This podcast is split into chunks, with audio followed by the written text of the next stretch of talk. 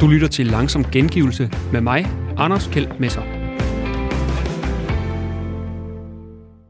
Velkommen indenfor til Langsom Gengivelse. Den næste time er i selskab med mig, Nikolaj Rønstrup, og vi skal dykke ned i sidste uges højdepunkter fra sportsprogrammerne her på Radio 4. Vi begynder med Fremkaldt. Det er vores ugenlige portrætprogram, hvor Claus Elgaard hver mandag sidder i samtale med en person fra sportens verden.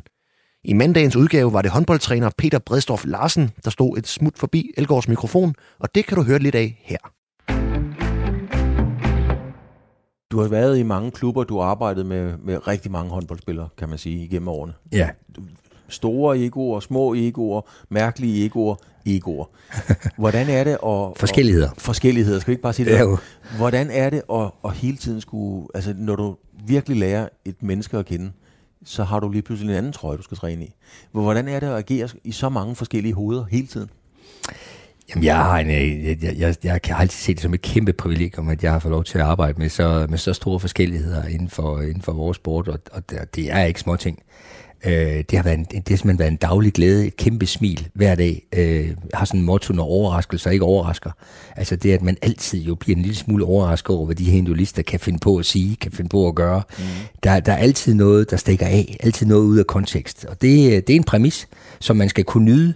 Hvis ikke man kan lide arbejdet med, med store forskelligheder, så skal man holde sig væk, så skal man opsøge specialværksteder, hvor man kan være for sig selv. Fordi det er en præmis, øh, og særligt når du rammer topsport, jamen så, så oplever du flere og flere af dem, fordi der er heller ingen tvivl om, at der er en, der er en korrelation, altså en sammenhæng mellem det at blive rigtig god, og også have et stort drive, altså et stort øh, fokus på ens egne muligheder. Så, så det har jeg altid nyt, og havde faktisk fornøjelsen af her i, i weekenden, og, og sidde og få en bid med med min, min gode ven Christian Schelling, som jeg har arbejdet sammen med både i Aalborg og Silkeborg, og som, ja.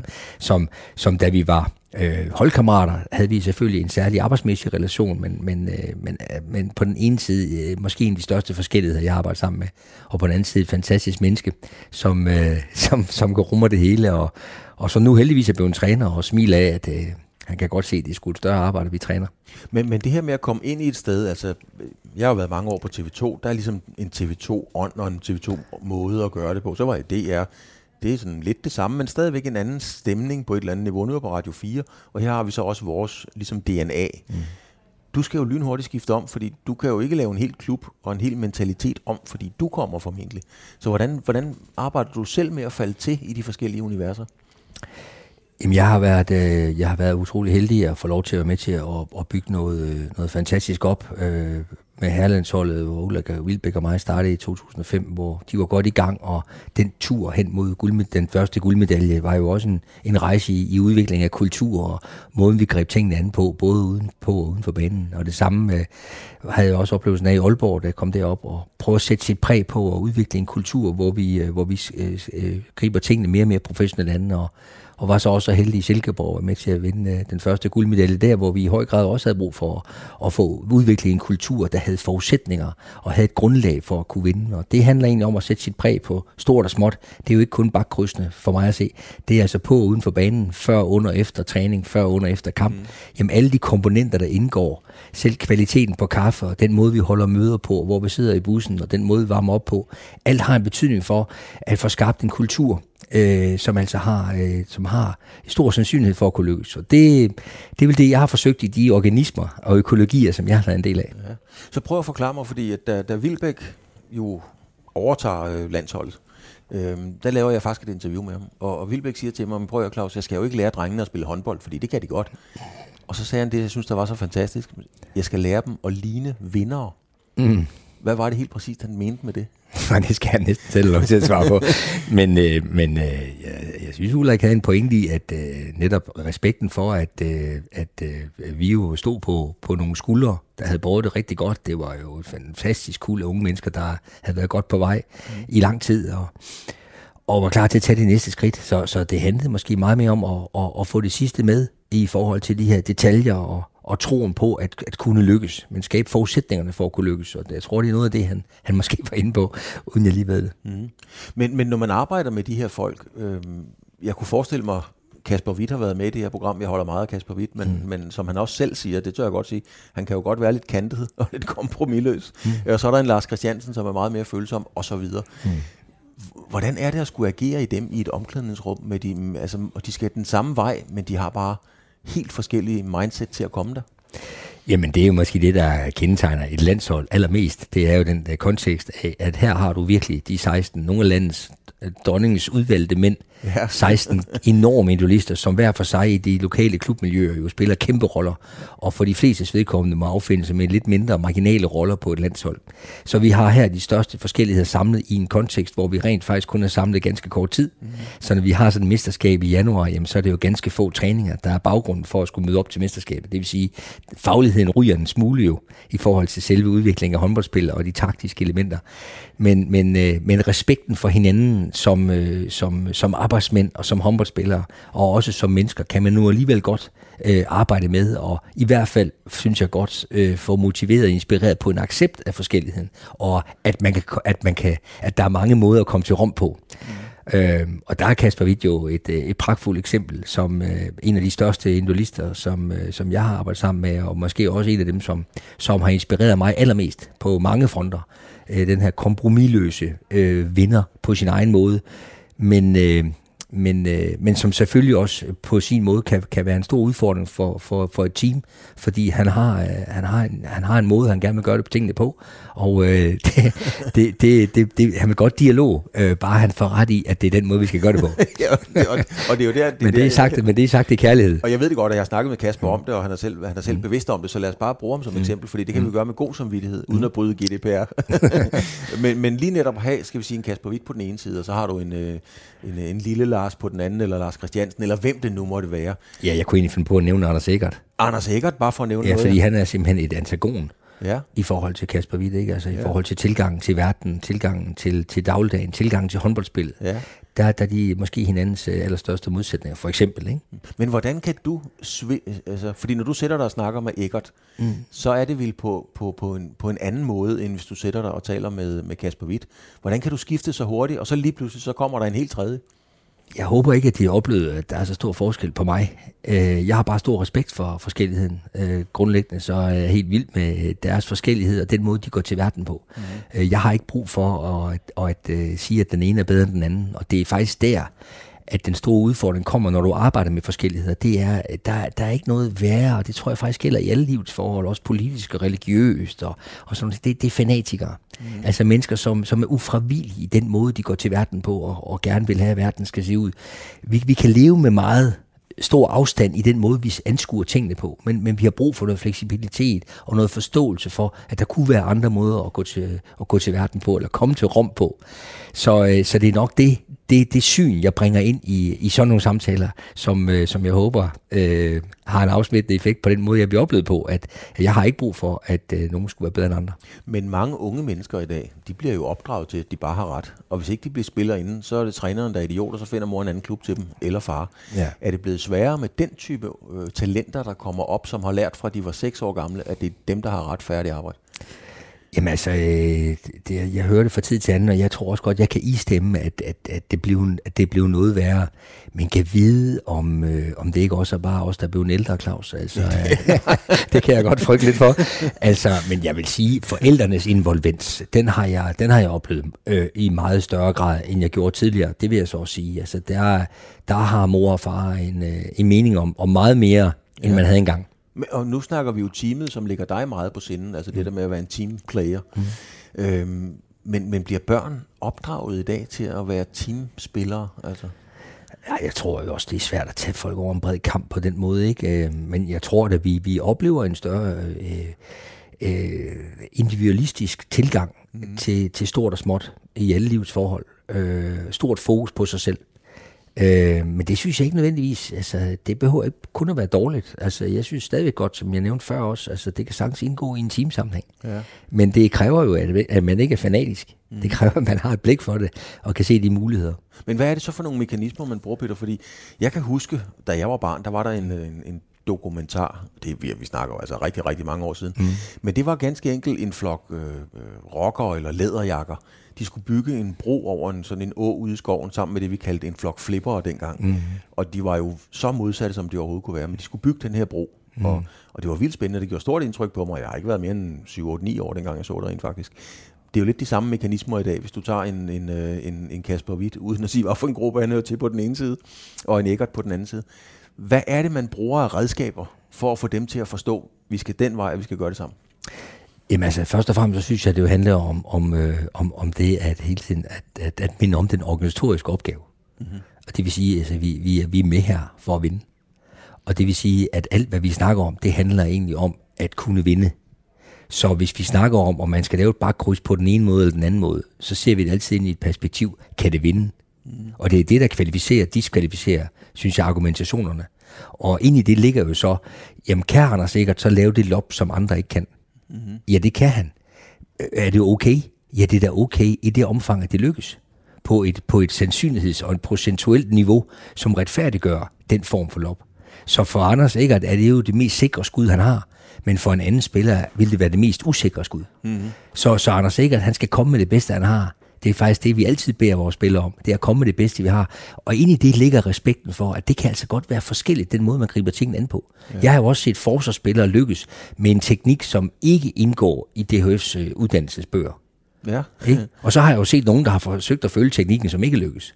Så det, at man finder sin egen vej, det tror jeg er en kæmpe, kæmpe øh, fin øh, blik, man skal have, og som en forudsætning for egentlig at lykkes. Men, men der er den her respekt for, at vi altså kan gøre tingene på en forskellig måde. Ikke bare fordi vi skal gøre det på en forskellig måde, men fordi der er forskellige måder at vinde på. Vi så i mange år øh, det svenske landshold, når der var time-out, øh, hvor trænerne jo blandede sig fuldstændig udenom. Mm. Og der var nogle spillere, der ligesom kørte det og sagde, nu gør vi sådan og sådan. Er det en ledelsesform, som, som du kunne blive trigget af, eller er det for meget? De vandt jo altså nogle medaljer, det hold, må man så lige sige. Ja, ja. Jamen, det synes jeg egentlig også øh, afhænger lidt af, af, af den sammenhæng, man er inde i. Den, øh, hvad, har vi, hvad har vi af spillere? Hvilke ressourcer har de? Øh, kompetencer? Fokusområder? Der kan jo sagtens være hold, hvor der ikke er nogen, der har lyst til at sige noget. Mm så er det nytter jo ikke noget, man som træner siger, nu er det jer, der skal sige noget. Nej. Så det skal jo afstemmes i forhold til, hvad, hvad, hvad man har af spillere. Men det er helt klart, at øh, jeg øh, har selvfølgelig altid gået meget op i at, øh, at ansvarliggøre spillerne øh, i at være med til at definere, hvordan vi skal slå de andre. Øh, ikke ud fra, at øh, det er sådan et slaraffenland, hvor, øh, hvor vi bare kan mene, hvad vi vil, men fordi jeg, vil, jeg ved, at ejerskabet og ansvarligheden, den kommer jo også øh, ved at blive involveret. Så det har altid været en præmis for de spillere, jeg har haft med at gøre, at, at de ved godt, at uh, de, har, uh, de, har, uh, de har store aktier i, hvordan vi kommer fra den ene kamp til den anden kamp. Mm. Hvor jeg altid har forsøgt at stå klar med at tage de endegyldige beslutninger, så, så, så spillere altid kendt retningen, men involvere dem så meget som muligt. Det omfang, og igen kommer forskelligheden. Det er der nogle spillere, der er bedre til end andre, og har mere lyst til end andre, og det har jeg også forsøgt at have en vis form for respekt for. Altså man kan jo tydeligt høre, at det handler meget om at, at kunne forstå mennesker, og komme lidt ind i hovedet på dem, og, og læse dem på et eller andet niveau. Hvor, hvor kommer din interesse for, for sådan mennesker fra egentlig? Jamen, øh, jamen grundlæggende, så, øh, så, så har jeg en kæmpe, en kæmpe glæde, og, og, og det er jo min passion, det er jo at bidrage til, at mennesker og teams kommer fra A til B.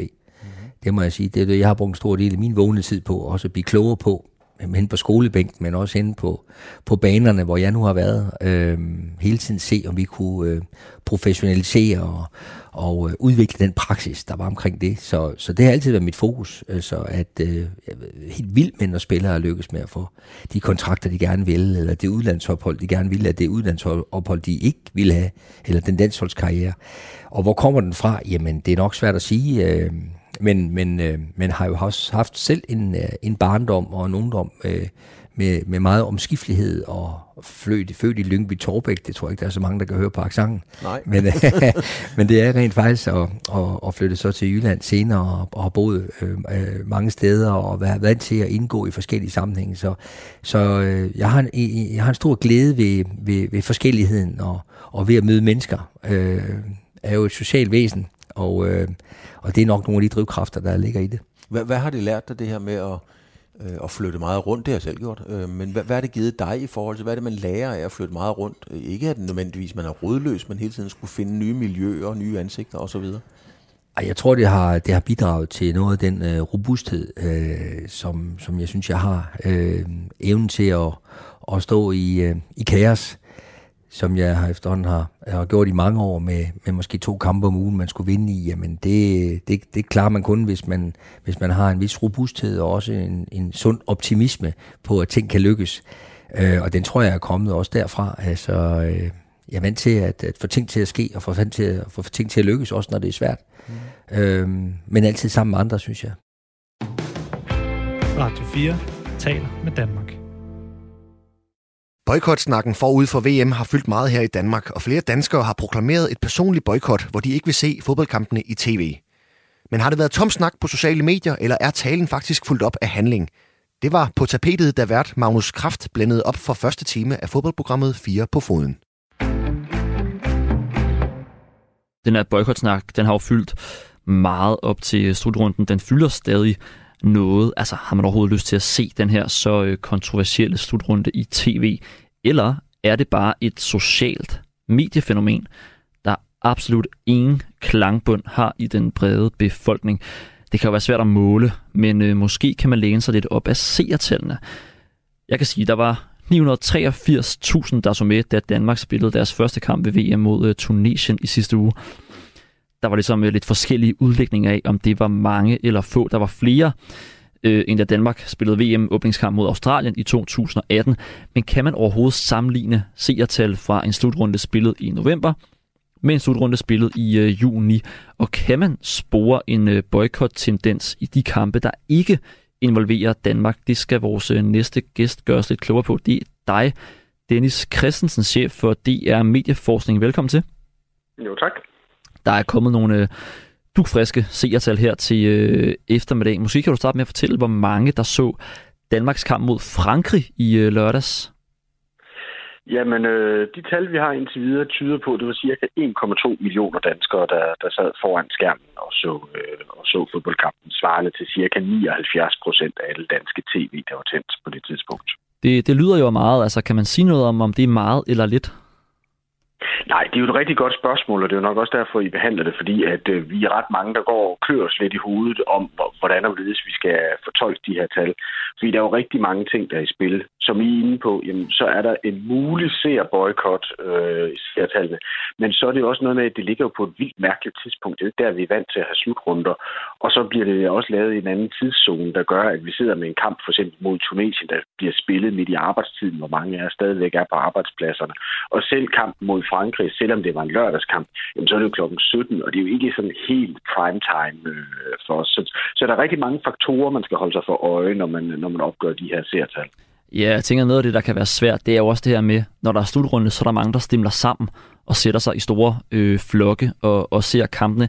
Er der taget højde for det, når man måler øh, på de her seertal, eller hvordan fungerer det? Nej, nu kan man sige, nu er, nu er vintervejret jo mere, så der er ikke så mange af os, der samles øh, ude i det offentlige rum og så videre, men, øh, men vi samles så måske nogle andre steder. Men nej, det tager man ikke højde for i, i den danske sermåling. At de der store forsamlinger, hvor vi ser det på store skærm, det, det bliver ikke målt.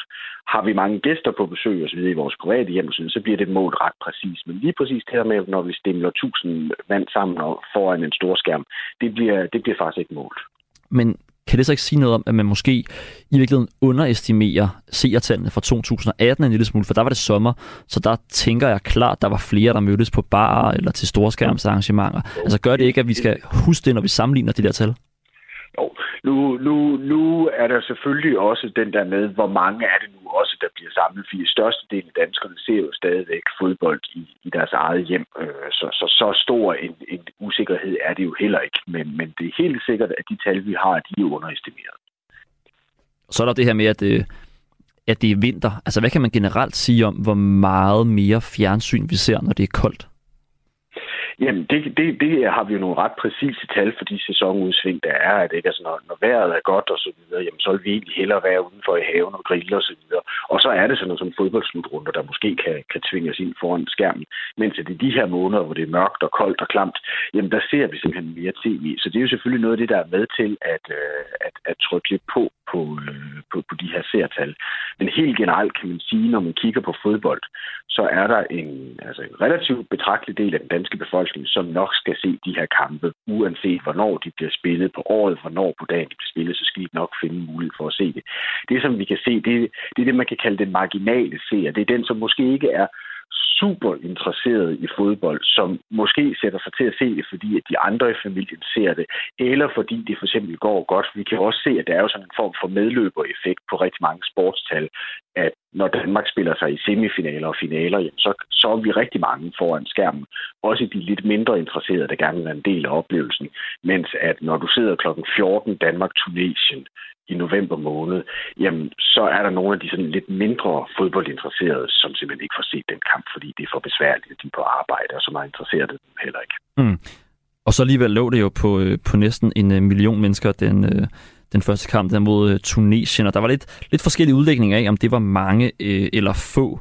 Øh, men samtidig så er det også den, den mindst øh, sete øh, slutrundekamp siden øh, Danmarks øh, kamp mod Australien ved VM i 18. Altså kan man sige noget som helst om, hvorvidt der kan spores en eller anden form for ja, boykot-effekt, kalder jeg det? Nej, det, det, det kan vi simpelthen ikke sige noget om endnu. Det, det, mit umiddelbare gæt vil være, at der ikke er noget i de her tal, der tyder på, at vi har at gøre med nogen ret stor boykot, øh, når, når det kommer til seertallene. Øh, men, men, men det er simpelthen for tidligt, og det er simpelthen stadigvæk for mærkelige kampe, skulle vi til at sige, for mærkelige sendetidspunkter til at drage nogle sådan større konklusioner omkring det. Øh, så, så det bliver vi simpelthen nødt til at vente til de, jeg skulle til at sige, de mere afgørende kampe. Der må vi jo håbe, at Danmark er en del af dem, mm. så vi får et godt sammenligningsgrundlag. Vi har øh, Dennis Christensen, en vaks lytter, der spørger på, på sms'en her. Øh, hvorfor laver DR eller TV2 ikke en reel undersøgelse, altså tænker på sådan en meningsmåling-agtig undersøgelse, som, øh, som til valget. Altså, øh, er det ikke interessant nok at ligesom finde ud af, om man kan få, få nogle lidt mere kvalificerede tal på, hvor mange der egentlig øh, ikke ser kampene? Det har nok også noget at gøre med, at øh, ja, altså for, for det første kan man sige, at vi har jo seertallene, som jo er dem, vi læner os op ad. Og så er det måske er der også noget med, med meningsmålinger, hvor man jo godt kan udtrykke, at man for eksempel ikke har tænkt sig at se kampen, men hvis Danmark kommer i finalen eller i semifinalen, eller hvad ved jeg, så kan det jo godt tænkes, at man i sidste ende måske vælger at gå en lille smule på, på kompromis og alligevel kigger med, skulle vi komme så langt. Så, øh, så, så det, vi kigger på deres reelle adfærd, ikke så meget på, hvad, hvad folk de siger i den her sammenhæng. Okay.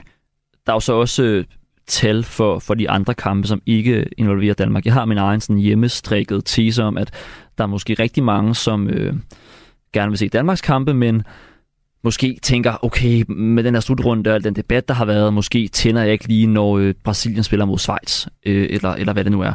Altså, kan man spore en mindre interesse øh, på de kampe, som øh, ikke involverer Danmark?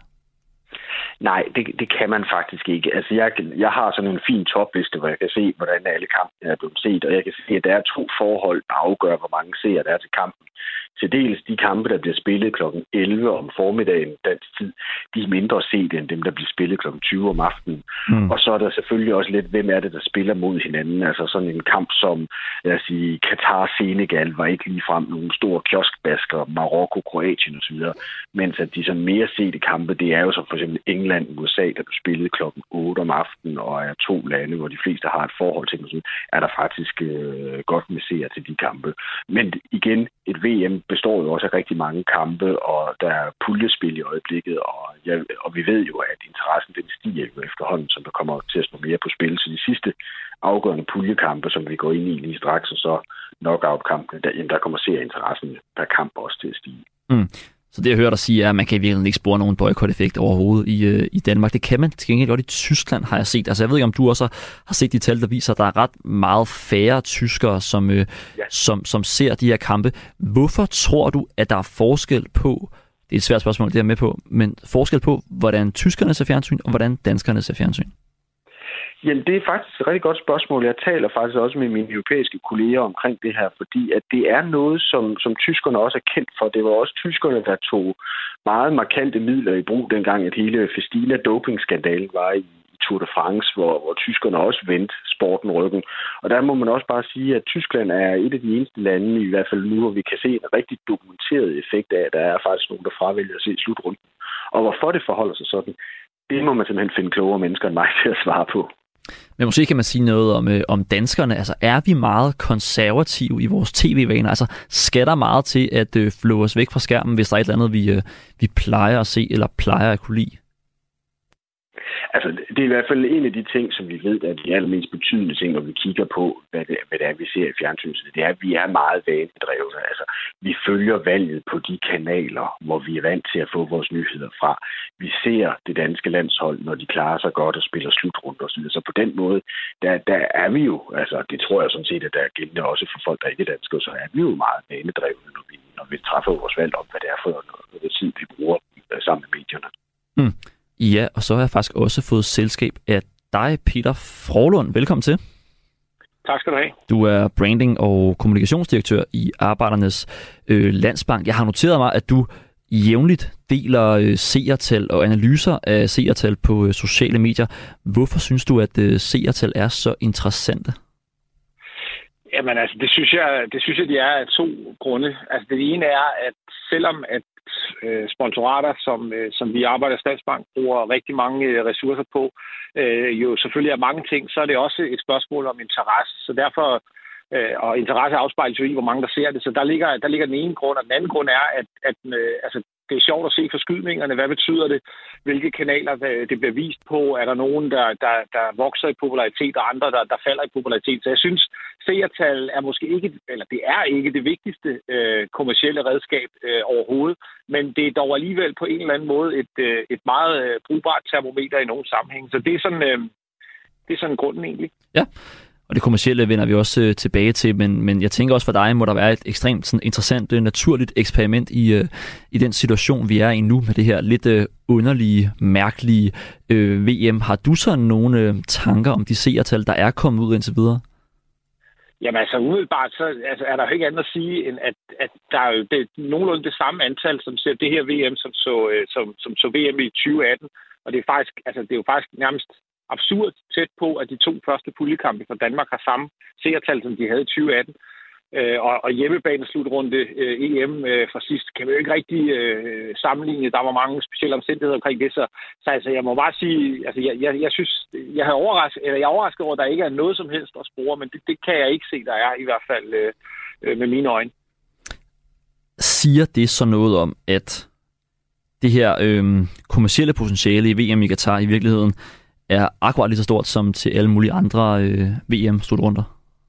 Nej, det synes jeg ikke, fordi altså en ting er, hvor mange mennesker, der ser det. Jeg tror, der, jeg, der, jeg tror VM har noget, noget x-faktor, som gør, at mange mennesker ser det, og, og, og jeg tror måske også, der er nogle af dem, der ser det, som har nogle holdninger. Så jeg, jeg tror, altså for europæiske brands, der tror jeg, at det her VM øh, er, det, er det dårligste, øh, der har været i nyere tid øh, kommercielt. Det, det, det er jeg ikke i tvivl om. Ja, øh, og det er jo så en oplagt øh, tråd til at tale om din egen arbejdsplads, altså Arbejdernes Landsbank, øh, hvor du er branding- og øh, kommunikationsdirektør. Jeg har både været sponsor for, for landsholdet øh, og også en del af, af de danske Superliga-klubber.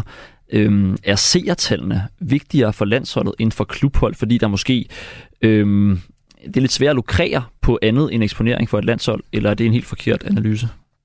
Nej, det er faktisk meget godt set. Altså, jeg, jeg vil stadig sige, at hverken for landshold eller for, for klubhold er seertal det allervigtigste, men de er afgjort vigtigere øh, for landshold, end de er for, for, øh, for, for klubhold. Det, det er der ingen tvivl om. Men altså et samarbejde med, med, med både klubber og landshold øh, indeholder jo rigtig mange ting. Øh, så, så, så seertal er kun en, en lille bitte ting, som, som siger lidt om, øh, om interesse og, og udbredelse og bredde giver også nogle gode indikationer på, øh, altså hvor, hvor, hvor, hvor bredt kommer man ud, er der nogle geografiske ting osv. Men men for et rigtig godt samarbejde skal blive øh, kommercielt givetigt, så, øh, så ligger der meget mere i det end seertal. Jeg kan afsløre, at vi skal tale med en af dem, der så er sponsor nu for, øh, for landsholdet, men, men det som så ikke er seertal, men som alligevel er enormt afgørende. Altså, hvad er det for nogle ting ved den her slutrunde i Katar, som, øh, som rigtig gør ondt på dem, der har deres øh, navn klistret øh, på de forskellige steder? Jamen, altså, det er, ja, for mig at se, øh, så, så kan jeg ikke forestille mig, at der er nogen, der ønsker sig at, at, at læne sig op af en organisation som FIFA. Altså, der var, der var Infantinos tale, som jo i bedste fald øh, øh, kan betegnes som øh, absurd, øh, og, og, og viser jo en, et, et menneskesyn og en tilgang til, til, hvad skal man sige, demokratisk dialog og alt muligt andet, som, som øh, jeg ikke kan forestille mig, der er nogen, der synes, øh, der er sjov.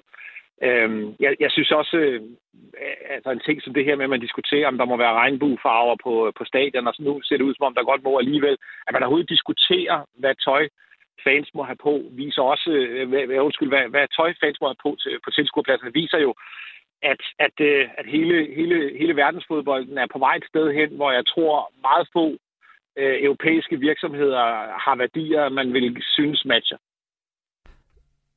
Og det er jo også øh, altså, noget af det, der har været diskuteret meget selvfølgelig, det her One Love øh, anførbind. Vi så så oven på den debat, at den tyske øh, supermarkedskæde Rewe trak sit sponsorat for det tyske landshold. Det synes jeg umiddelbart var en ret øh, bemærkelsesværdig reaktion. Var du overrasket over det? Ja, det, det var jeg. Altså, det, det, det var jeg. Det, det er sådan ret øh, markant, øh, hvad skal man sige, øh, og meget kontant måde at og, hvad hedder det, reagere på det. Så det, det synes jeg var overraskende, og måske også en overreaktion. Altså, det, det, det, det skal de jo vurdere. Jeg ved ikke, hvad deres øh, samarbejde øh, sådan ellers indeholder, men, men, men det, virkede, det virkede som en meget overraskende, i hvert fald for mig, øh, reaktion. Hvad, øh, hvad, hvad tænker du, at de forskellige øh, sponsorer, som sidder og har, og har penge investeret i sådan en slutrunde, nu sidder og frygter for, at der kan ske til den her, øh, til den her slutrunde? Det er som om, at øh, hele sådan, øh, polemikken er taget lidt af, men er der nogle ting, hvor du tænker, at de sidder og tænker, oh, det må ikke ske, eller det må ikke ske?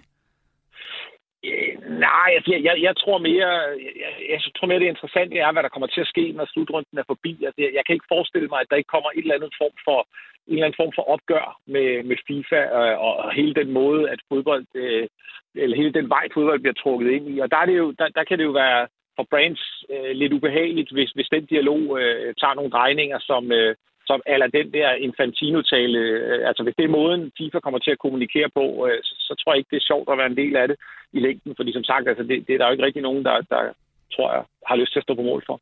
Man har vel også set øh, et sted som øh, med krigen i Rusland, det er selvfølgelig en, en helt anden situation, men, men der har man også set, hvordan at, øh, at nogle brains bliver målrettet. Et af de bedste eksempler er Eko herhjemme, øh, Carlsberg også øh, i Danmark, ikke? Øhm, hvor man siger, hvis I støtter om det her, så vil vi ikke støtte om jer. Altså, tror du, at øh, sponsorerne kan en begrundet frygt for, at det kan komme så vidt, at det forbrugere, som følger med i fodbold, siger, hvis I støtter FIFA, så støtter vi ikke jer? Ja, det tror jeg godt, det kan. Altså, jeg ved ikke, hvor tæt vi er på, men jeg er ikke et sekund i tvivl om, at, øh, at det er en mulighed, at, at, øh, at, at, at det på et tidspunkt bliver, bliver forbrugerne, der tager nogle beslutninger omkring dem, der, der bakker op om, om FIFA. Øh, som sagt, altså, jeg, jeg har ikke nogen sådan øh, fornemmelse af, hvor, hvor langt det er fra, men, men, øh, men jeg, altså, jeg har da selv tænkt på, at, at eksempelvis et, et, et stort brand som Adidas, hvad tænker de i den her sag? Er, er det, hvad hedder det, er det, er det, det, de vil læne sig op af, eller er der noget andet? der kunne være bedre. Det, det tror jeg også, de selv tænker på, uden at, som sagt, at jeg ved det. Radio 4 taler med Danmark. Verdensmesterskabet i fodbold er en af de største begivenheder på denne planet, og rigtig mange kollektive fodboldhukommelser starter med en VM-slutrunde. Laudrups dribletur i 86, Schmeichels enhåndsredning i 92, Ebbe Sands hurtige scoring i 98. Således også til dette VM, og selvom kritikken har været hård, så sidder der stadigvæk børn og unge, der forkæles med fodboldens magi, måske for allerførste gang. Nogle af dem fik Magnus Kraft en snak med i anden time af Fire på Foden. Jeg har fået unge gæster i studiet nu, fordi vi må blankt erkende, at vi nogle gange har nogle lidt tunge temaer i øh, det her program. Det handler meget om politiske agendaer, økonomi, institutionelle forskubbelser i fodbolduniverset og den slags. Man kan en gang imellem næsten glemme, hvorfor det overhovedet er, vi bruger timer og dage og halve liv på at følge med i det her så øh, forunderlige fodboldspil. Og øh, når vi taler om fodbold, så taler vi ofte om den første kærlighed, den første lille magiske oplevelse med sportens øverste lag. Og referencerammen, den er altid, hvad er det første VM, du husker? Det første VM, jeg husker, sådan for alvor, det er det fra øh, 2006 i Tyskland. En ung Cristiano Ronaldo i blodrøde støvler, der bliver sparket til plukfisk af de modelige hollændere. Zinedine Zidane, der i semifinalen viser Kaká, Ronaldo, Adriano, Ronaldinho, hvordan det smukke spil rigtigt skal spilles. Og selvfølgelig italienerne, der i tætsidende trøjer og med pomade i håret går hele vejen. Og når vi taler om, hvor forfærdelig slutrunden i Katar er, så er det værd at huske på, at der faktisk er børn derude, der får formet deres tidlige fodboldminder i øh, de her uger. Om øh, 10, 15, 20 år, der vil de sidde og beklage sig over, at tingene ikke bare er, som de var i 2022. Og øh, nu har jeg fået besøg af nogle af dem, der har fodboldfeber. Den fodboldfeber, vi andre bare kan uh, drømme om. Jeg tænkte, det var uh, på sin plads at få skudt lidt optimisme, lidt uh, koncentreret fodboldglæde ind i uh, programmet her. Ludvig Hempler, velkommen til dig. Vil du komme lidt smule tættere på mikrofonen, når du taler, så er det helt perfekt. Sådan der, ja, altid. Du er 13 år gammel, du spiller selv fodbold til daglig i uh, VSB i, uh, i Vium Ludvig. Hvordan er det for dig, at der uh, for tiden hele tiden kører fodbold i uh, fjernsynet? Det er mega fedt, at jeg ikke kun i weekenden kan se fodbold, at jeg kan komme hjem fra skole og så bare sidde og se en kamp og hygge mig. De starter kl. 11 allerede, kampene. Sidder du nogle gange i skolen, og så kribler lidt for at uh, få lov at se, uh, for at se kamp? Øh, som nogle gange, som for eksempel i dag, så, så var, hvor, havde vi en vikar, som der så viste det på vores store skærm, ikke? Så det er meget fedt. Det er vikaren fra, øh, fra himlen der. Hvem, øh, hvem ser du så kampene med? Er det både dig selv, eller din familie? Og... Ja, både min familie, mine gode venner. Ja, men mest tror jeg bare alene. Kommer du fra en meget sådan fodboldpassioneret familie? Ja, min far er også kæmpe fodboldfan, og det har ikke også smittet på mig. Okay, altid. Og øh, så har vi også dig, Tobias Kraft. Du er også 13 år gammel. Øh, velkommen øh, til dig. Tak. For den totale åbenheds skyld, så øh, skal det jo selvfølgelig siges, at øh, Tobias har den helt ekstreme fordel i det her øh, setup, at han er min lillebror. Så øh, hvis jeg går lidt hårdere til ham, så er det ingenting sammenlignet med, øh, hvad der sker, når mikrofonen er øh, slukket. Så det er på, øh, på plads. Tobias, prøv lige at fortælle lidt om dit eget forhold til, til fodbold. Jamen altså, jeg har selv spillet fodbold, siden jeg var fire år gammel, og har set meget fodbold, og altså spiller fodbold, og spiller, ja, også spiller FIFA, og har mange forhold til fodbold, og mm. elsker det meget højt. Nu taler jeg om det her med den første VM-slutrunde. Ludvig, hvad er den første VM-slutrunde, du sådan rigtig kan huske? Som jeg har jamen, sidst, altså i 2018, så jeg så godt øh, Tyskland mod Kroatien, ja. men jeg kan kun huske nogle få highlights fra kampen. Så det er ikke så meget, det er ikke så galt at sige, at det her måske faktisk er den første øh, rigtige slutrunde, som du sådan kommer til at kunne huske også, når du er voksen, tror du? Ja, det bliver nok det første. Ja. Hvad med dig, Tobias? Jeg husker ret tydeligt det er den, især fordi Danmark øh, øh, slog ud meget dramatisk af Kroatien. Ja, i straffarskonkurrence mod øh, Kroatien, øh, det, det er rigtigt. Øh, hvad tænker du, Lud? Hvad er sådan det allerfedeste ved, at, at der er VM? Det er nok bare, at man kan at se kampene have det fedt, og man, jeg håber selvfølgelig virkelig på, at Danmark klarer sig godt, ikke? Så det vil være mega fedt, hvis vi ser en semifinal, og man kan se Danmark spille. Mm. Det vil helt klart være drømmen. Tror du, Danmark kan gå hele vejen? Ja, helt sikkert. Som i, hvis vi siger, at Danmark vinder over Australien, og med lidt held kan vi måske være mod Polen eller Mexico. Mm. Og dem kan vi godt vinde over, ikke? Og så kan vi komme ret langt. Du har styr på turneringstræet, kan, kan jeg høre. Det er, det er godt at høre. Øh, er der nogen, du holder med sådan lidt, hvis det ikke er Danmark? Er der nogen af holdene, hvor du tænker, de er sgu meget fede, dem der også? Ja, jeg synes, at Argentina er også nogle af favoritterne til at vinde. De ser deres hold til bare virkelig fedt ud, og jeg håber også, Messi kan hvad hedder det, vinde, vinde hvad hedder det, VM. Hvad med dig, Tobias? Er der nogen, du sådan går og har et lidt godt øje til? Altså, jeg synes, Brasilien har et, øh, har et lækkert hold og spiller noget flot fodbold. Øh, også det med, at det muligvis er Neymars sidste VM, og der er mange ting i det. De mm. spiller flot fodbold, dem kan jeg også godt lide at se. Hvad med i skolen? Taler I meget om VM? Er der noget, der fylder sådan i klassen? Ja, ret meget også. Det med, at vi nogle gange ser det der kl. 11-kampene. Altså, det fylder ret meget. Vi snakker meget om det, og det skal, det, det skal jeg lige forstå. Der må sikkert sidde nogle forældre derude og tænke, hvad er det, der foregår? Sidder de og ser øh, VM i skoletiden? Hvad, hvad, hvordan hænger det sammen? Nej, men nogle gange, hvis man lige har frokostpause der imellem, ikke, og der er stadig kamp, så, ja, ja, så får vi, da, får vi da lov til at sætte det op på storskærmen og, og se noget fodbold.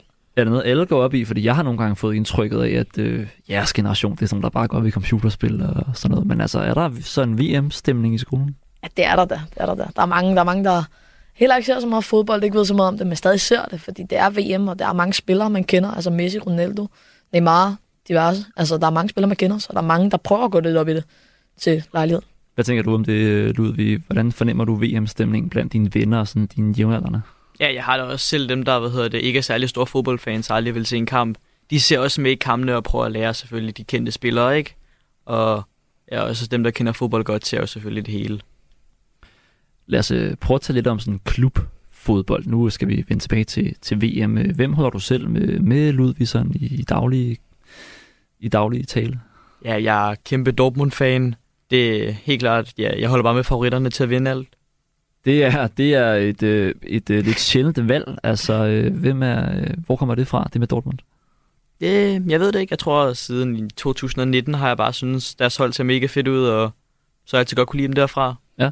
Hvor, hvor kommer det fra, tror du, det der med at sige, og oh, jeg ser Dortmund, og hmm, de har nogle fede spillere. Altså er det, fordi du bare sidder og ser kampen, eller er det noget, du har, har du spillet med Dortmund i FIFA, eller hvor kommer de der ting fra? Ja, det kan godt være faktisk med sådan noget som Reus. Han ham var jeg kæmpe fan af os tilbage i tiden. Og jeg, jeg spillede meget med dem i FIFA, så tror jeg bare, at det blev ved, at være, blev ved med at være mit yndlingshold, og så tror jeg bare, at det, ja, sådan. Og så, så blev det egentlig bare sådan. Mm. Tobias, øh, hvem er, hvilket hold er der flest af dine venner, som øh, holder med? Åh, oh, det er lidt svært. Der er ikke så mange af mine venner, der sådan går meget op i fodbold. Men jeg tror, jeg tror enten Barcelona eller FC København er, er ret sikre valg. Mm. Det er jo interessant. Altså, hvorfor tror du, at dine venner ikke går så meget op i fodbold? Altså, hvad, hvad går de mere op i? Øh, computerspil meget, øh, som, som ikke er øh, FIFA og fodboldagtige ting. Det er mere, øh, du ved, diverse skydespil og sådan nogle ting. De er mere går op i. Og.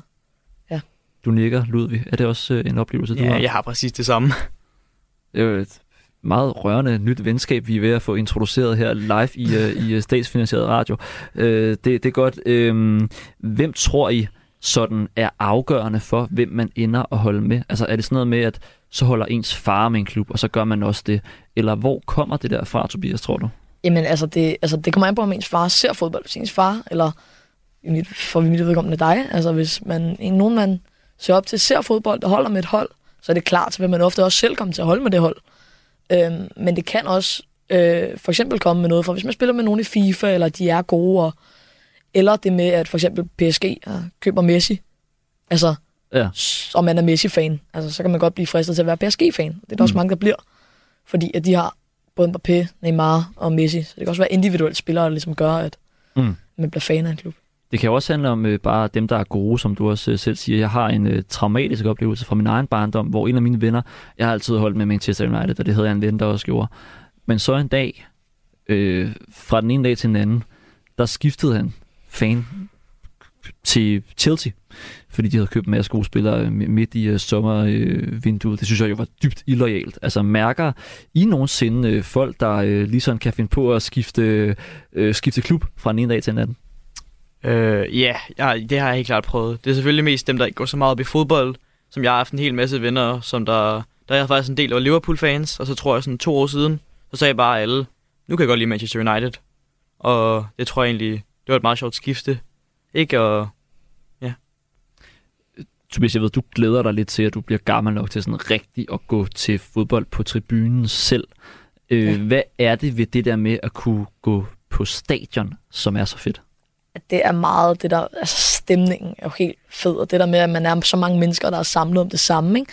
Det er den samme kamp, man ser, og det er det samme hold, man holder med, altså det er bare fedt, og der er, man ved så mange mennesker, der er, man er på samme side med dem, og man står og synger slagsang og sådan noget, det er fedt. Mm. Da jeg var barn, og det er ikke fordi, jeg hele tiden skal referere til min egen barndom, men da jeg var barn, der havde vi sådan nogle små klistermærker, Panini-klistermærker hedder det. Så ved hver slutrunde sad vi og puttede de her øh, spillerklistermærker ind i de her samle hæfter. Øh, ved du overhovedet, hvad jeg taler om, Ludvig, eller er det noget, du også selv har prøvet? øh, det var ikke klistermærker, men vi har sådan nogle, man kan sige, fodboldkort, ikke? Som det, det var lidt lang tid siden nu, ikke? Men så er det jo sådan nogle fodboldkort, der er mega seje, ikke? Og så går man rundt pretty much og viser ens venner, jo, prøv at se, jeg har Ronaldo-agtig. Jeg ved, Tobias, øh, det er jo noget, som for mig er dybt rystende, at du har prøvet at have Panini-kort på øh, telefonen. Mm-hmm. Øh, hvad drejer det sig om? Jamen, det, det er en app, som, øh, hvor man samler på de der klistermærker, og hver dag, hvis man så, også det der med, at man skal logge ind hver dag, ikke? og hvis man gør det, så får man så en, en pakke med nogle klistermærker, og så kan man samle på de der klistermærker og få bedre og bedre kort, og prøve at samle dem alle sammen, ikke? Ja, skal beklage, hvis der er nogle fodboldromantikere derude, der har fået et øh, slagtilfælde ved, ved den information, men det er jo, øh, det er jo ungdom øh, øh, nu til dags, øh, Ludvig. Under det her VM, der bliver der også talt rigtig meget om politik, om hvordan værtslandet Katar har behandlet øh, dem, der er kommet til Katar for at hjælpe med at bygge stadion og hoteller osv. Mærker du hjemme hos jer, at folk også taler om noget andet end fodbold nogle gange? Ja, det er også blevet talt virkelig meget om. Måske før, sådan, da det var ledende op til VM, så talte man meget om, at måske folk ikke kommer til at se det i Katar, fordi at, ja, så mange mennesker har været døde Mm. ved at bygge stadionerne, men ja, det har ikke helt effektet så meget mig. Er det noget, I har talt om i skolen også? Ja, nej, faktisk ikke i skolen.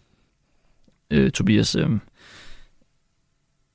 jo ikke nogen hemmelighed, at jeg taler meget om, om alle de her ikke så fodboldrelaterede ting ved, øh, ved VM øh, i Katar. Jeg ser ikke rigtig selv kampene og sådan nogle ting. Synes du egentlig, det er lidt irriterende, at øh, jeg for eksempel ikke ser kampene? Altså for mig gør det ikke noget, du ikke ser kampen. Det er bestemt ikke det, og jeg forstår også godt, du ikke ser dem. Men altså, en gang imellem, når man sidder og ser dem, og du ikke kan holde ud og se på et øh, VM i Katar logo eller lignende, det er også lidt okay. Slap af, mand. Du synes, jeg overdriver det lidt en gang imellem. Til tider. Påvirker det din egen entusiasme for spillet? Mm, nej, egentlig ikke, men, men, men altså, ikke det, du gør, men generelt det der med, at man tænker over de der stadions, altså de er jo virkelig flotte, og er meget flotte, flot bygget, altså, men man tænker over det, man tænker, at det er jo ikke bygget af, af folk under ordentlige forhold, det er bygget af migrantarbejdere, der er blevet snydt i det arbejde, altså det er jo ikke fedt, altså det havde været virkelig fedt, hvis det havde været altså, normale arbejdere under ordentlige forhold, så har det været fuldstændig fantastisk bygget, men uh, man tænker det over det hver gang, man ser stadion. Mm. Ludvig, synes du, der bliver talt for meget om alt det, der ikke handler om øh, fodbold? Nej, slet ikke. Jeg synes faktisk, der bliver talt for lidt om det. Det er en ret vigtig hvad hedder det, betydning for det, men der er også bare mange mennesker, der også bare gerne vil se VM, og ikke øh, har lyst til at tale om det, de dårlige ting. Radio 4 taler med Danmark. Vi slutter denne uges langsom gengivelse, hvor vi startede, nemlig i selskab med Claus Elgaard. Denne gang er han i spidsen for Sportsugen, og du kan høre en lille snas af ugens program her. Fodboldklubben Juventus har måske gjort lidt for meget, fordi det er jo, som man øh, siger, at gøre eller ikke gøre, det er spørgsmålet. Og nu er spørgsmålet så, om Juventus har gjort for meget. For mandag kom det nemlig frem, at bestyrelsen i den hedderkronede italienske klub trækker sig. Det er nærmest uden fortilfælde, men hvor skø- trykker skoen mest på den gamle dame, som de hedder fra støvlelandet. Fiatbossen, Andrea Agnelli, trækker sig som formand sammen med resten af bestyrelsen, der blandt andet indeholder den tidligere topspiller og KFA Paul Nedved. Klubben havde i sidste sæson et underskud på hele, hold godt fast, 1,9 milliarder kroner. Det er en stor sag. Alfredo Tessio, du er journalist, bor i Italien og har, som de fleste ved, fulgt med i sport og politik i Italien i rigtig mange år. Både som korrespondent for DR, for Berlingske Tidene, Børsen og Politikken. Du har været alle stederne, Alfredo. Øhm, I november ja. sidste år konfiskerede italiensk politi en række dokumenter fra fodboldklubbens kontorer i Torino og Milano. Den sag er endnu ikke afsluttet. Flere personer fra Juventus ledelse bliver angiveligt undersøgt for at give falsk information til investorer og for at fakturere spillerhandler forkert. Alfredo Tessio, øh, hvad, hvad er det for en sag, der er i gang? Ja, det er en stor sag. Du ved, Italien er et land med mange naturkatastrofer, såsom oversvømmelser, laviner, jordskred og jordskælv. Og det er over jordskælv, der bliver brugt i forbindelse med denne Juventus-skandal. Det er et jordskælv for italienske fodbold i det hele taget og for Juventus. Øh, det vil bringe mange negative virkninger, både for Juventus, men antageligt for de andre professionelle klubber. Du, som du har sagt, formand Agnelli, Andrea Agnelli og hele bestyrelsen, jeg vil sige 14 personer, trak sig øh, forledende.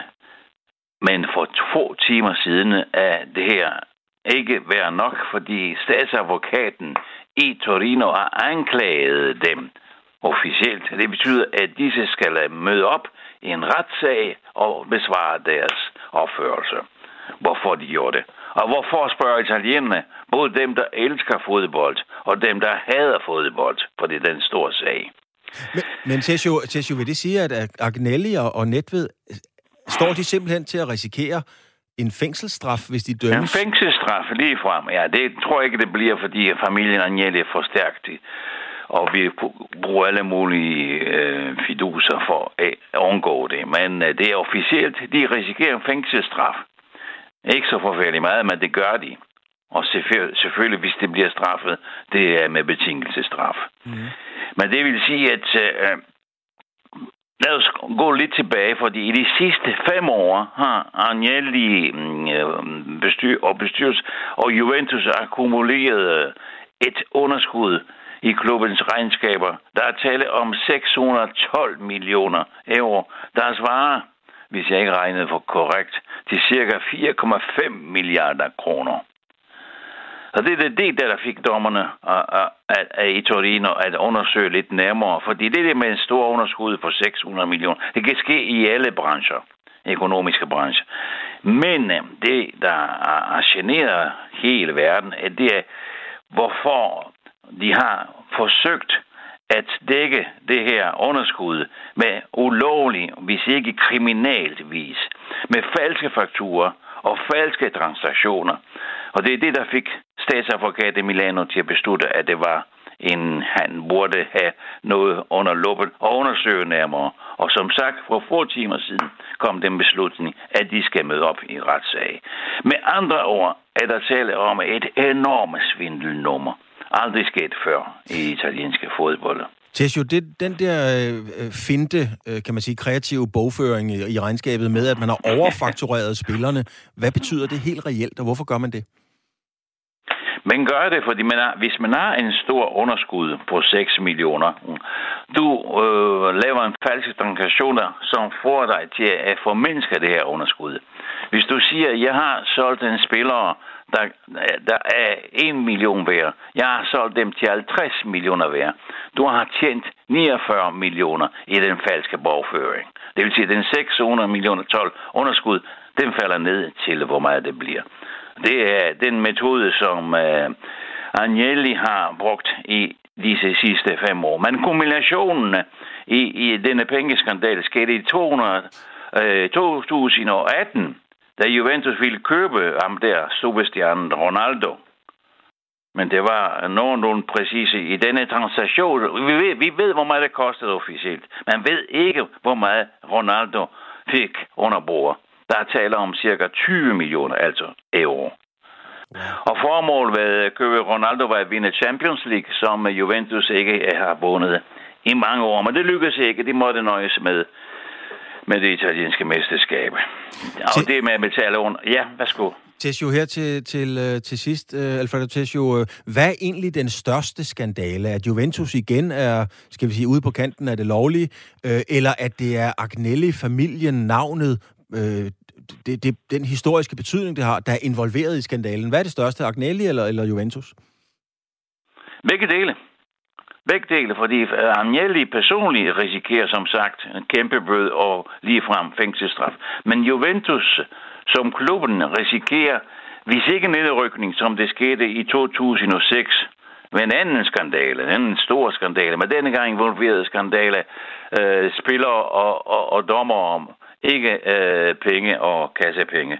Denne gang er det Juventus også risik- risikerer også at få en, øh, en straffe på point i, i stillingen og kæmpe bøder. Og familien, nej, ikke, nej, ikke familien, for det er øh, Agnelli personligt, der risikerer. Altså familien skal nok dække øh, underskuddet, fordi øh, familien Agnelli, som ved, har stiftet Fiat og har øh, en stor del i Stellantis øh, nye øh, fusion mellem Fiat, øh, Citroën og Peugeot. Og det er ikke det, der er problemet. Det er ikke penge, der, der, der, der er problemet i familien Agnelli. Det er den der beærede ære, som de har tabt i denne forbindelse. Ingen af familien Agnelli før i, har risikeret så meget. Og at tænke sig, at Juventus har levet i 130 år, hvoraf cirka 110 100 år med, med, med, med familien Agnelli som formand og præsident. Og det er forfærdelig historie. Og Juventus er den klub, som, ved, som har vundet mest i Italien. 36 mesterskaber og en række internationale pokaler, men kun to Champions League. Kun to der. Alfredo Tessio, øh, dejligt at høre din stemme igen, Alfredo. Jeg håber, alt er godt. ja, tak, tak fordi du ville være med. tak skal du have. Det er godt, dejligt, det var hyggeligt. I hvert fald, tak for det. Hej, hej. Det var altså Alfredo Tessio, han er journalist, bor i Italien, korrespondent fra DR. Vi kan alle sammen, mange af os kan huske, når der blev rundet af Alfredo Tessio Rom. Det var smuk musik. Han var også fra Berlingske Tidene, Børsen og Politikken. Det er altså ikke kun i støvlelandet, at Juventus nyder stor opmærksomhed. Også i Danmark har Torino-klubben en stor fanskare, og en af dem, der følger det aller tættest, det er Ulrik Larsen. Velkommen til, Ulrik. Tusind tak. Du har været på podcasten De Tre Senatorer om italiensk fodbold, og så er du passioneret fan af Juventus siden øh, 1982. Som vi hører her, så offentliggjorde øh, Juventus i september et underskud på 1,9 milliarder kroner. Det er store summer, selv i moderne fodbold. Hvorfor er klubbens økonomi så elendig? Det er klubben, fordi man har langsomt så er man faldet tilbage i forhold til specielt Premier League og PSG, Real Madrid, Bayern München. Og det har man ikke ville acceptere. Det har været Agnellis store, store vision, at Juventus skulle hænge på og være med i den her klub af de aller, allerbedste. Og så har man satset alt. Øh, man, øh, man brugt utrolig mange penge på Ronaldo nu, som Alfredo Tessio nævnte, måske også nogen, vi endnu ikke har set rapporteret. Øh, man har købt meget, meget dyre spillere. Så man har sådan set spændt buen fuldstændig til maksimal. Og så kommer øh, corona i øh, 2019 og fjerner lige en tredjedel af indtægterne, og så bryder, så bryder det hele sammen. Mm. Nu har klubbens ledelse så taget den undskyld, den yderste konsekvens og opløst sig selv. Og man kan sige, 1,9 milliarder kroner, det er jo en slags penge. Det er mange penge. Men det er stadigvæk noget, der er overkommeligt for Fiat-koncernen, som står bag Juventus. Hvorfor tror du, at bestyrelsen alligevel har valgt den, og skal vi sige, at opløse sig selv? Ja, det, det er lidt... Øh, altså man, på en måde så kan man se det som en tilståelsessag. Altså at anklageren har ret i nogle af de her ting, og bestyrelsen har, har fingrene i klemme. Øh, man kan også se det som, at øh, Juventus vil tage kampen op. Det er jo den officielle holdning. De mener, de har overholdt alle regler. Og at øh, når der ikke er tillid til den siddende bestyrelse, og den er under så voldsomme anklager, jamen så hellere lade dem gå og sætte en ny ind i stedet for. Jeg hælder desværre mest til det første, at der er lidt element af tilståelsessag i det. Nu hørte vi jo, øh, nu hørte vi jo øh, Alfredo Tessio fortælle en øh, klokkeklar nyhed, nemlig at øh, anklageren, statsanklageren, øh, har simpelthen... Øh, jeg er, ikke, jeg er ikke helt med på, om, han, om de er sigtet, eller, eller om, de er, om de er tiltalt, men de har i hvert fald fået at vide, at de skal forklare sig for, for politiet på, hvad der foregår. Er du overrasket over den udvikling? Øh, nej, for nu har jeg jo fulgt den lidt tid her de sidste 3-4 dage. Øh, og anklageren mener selv, at de har en meget, meget god sag. Øh, de har, som du selv nævnte tidligere, så har de øh, renset hovedkontoret, men de har også siden øh, september-oktober aflyttet øh, ledelsen i Juventus. De har en masse telefonoptagelser, og de har sågar også nogle øh, optagelser fra en bar lige ved siden af hovedkontoret, hvor de har optaget nogle møder. Og de mener, de har så stærke beviser, at øh, Juventus bliver nødt til at forklare sig. Mm-hmm. Altså, der er jo ingen tvivl om, at uh, Andrea Agnelli har været en nøglefigur i Juventus genrejsning gennem tierne, kan man sige, uh, med flere mesterskabstriumfer jo. Hvordan er, mod, altså, hvordan er nyheden egentlig blevet modtaget blandt de mange fans uh, omkring uh, det, der sker nu? Åh, oh, ja. Der, der, er, der er folk, der er sådan i benægtelsesfasen. Det er bare uh, de andre klubber, der er ude efter os uh, og lignende så er, der, så er der faktisk en lille gruppe, som aldrig har brugt sig om Agnelli. Agnelli har jo sat sig meget, meget hårdt på at gøre Juventus til et internationalt brand. Øh, folk kan måske huske, at vi udskiftede det gamle logo med sådan et nyt, moderne J. Og det er bare en lille del af den her store omvæltning. Øh, Juventus har også taget et opgør med de allermest fanatiske tilhængere, dem der hedder Ultras, Øh, man har øget priserne på stadion. Der, der er mange ting, man har taget, som har været upopulære. Så der er også en lille gruppe, som synes, at det her nu, nu kommer straffen for de ting, Agnelli har foretaget sig. Og så er der vel de fleste af os, som bare er grundlæggende triste over, at Juventus endnu en gang er en søgelyse for alt det negative. Ulrik, hvis du lige sådan tager, skal vi sige, tager hjertet væk fra ud af ligningen lige nu, så, så må vi jo konstatere, at Juventus er 10 point efter førstepladsen i, i den hjemlige liga. De er ude af Champions League. Regnskabet, som vi øh, hører om her, det er blodrødt. Øh, børstilsynet kigger, kigger dem efter i sømne, og Alfredo Tessio har lige fortalt, at statsanklageren vil have dem til at møde op og give en forklaring. Har du nogen realistisk tro på, at Juventus har en fremtid i international fodbold? Ja, det har jeg faktisk. Det har jeg faktisk. Altså, øh, nu kan det jo godt se ud som om, at, det er, at problemerne er uoverstigelige, men, men anklager er ikke det samme som, at man bliver dømt. Og slet ikke nødvendigvis i Italien, hvor, hvor retssager er lange og komplicerede osv. Jeg tror, at de har lavet nogle ting, som de ikke burde gøre, men jeg tror ikke på, at vi snakker nedrykning eller noget i den stil. Øh, og så tror jeg samtidig på, at Juventus er ved at prøve at finde sine ben igen. Øh, hvis vi kigger på de sidste 10 kampe, så har Juventus øh, sådan set egentlig lavet rent bord og vundet dem alle sammen. Og det går bedre og bedre i ligaen, når man er ved at finde sine gamle Øh, måske ikke så moderne ben, men et meget solidt forsvar og øh, nogle øh, afgørende 1-0-2-0 scoringer. Så Juventus kan godt være der, men, men det er klart, at øh, jeg tror, man skal nok opgive den der idé om, at man kan følge med Premier League, og man kan følge med de, stage, de klubber, der er støttet af, af ørkenstater. Øh, det, det, det kan Juventus ikke holde til. Radio 4 taler med Danmark.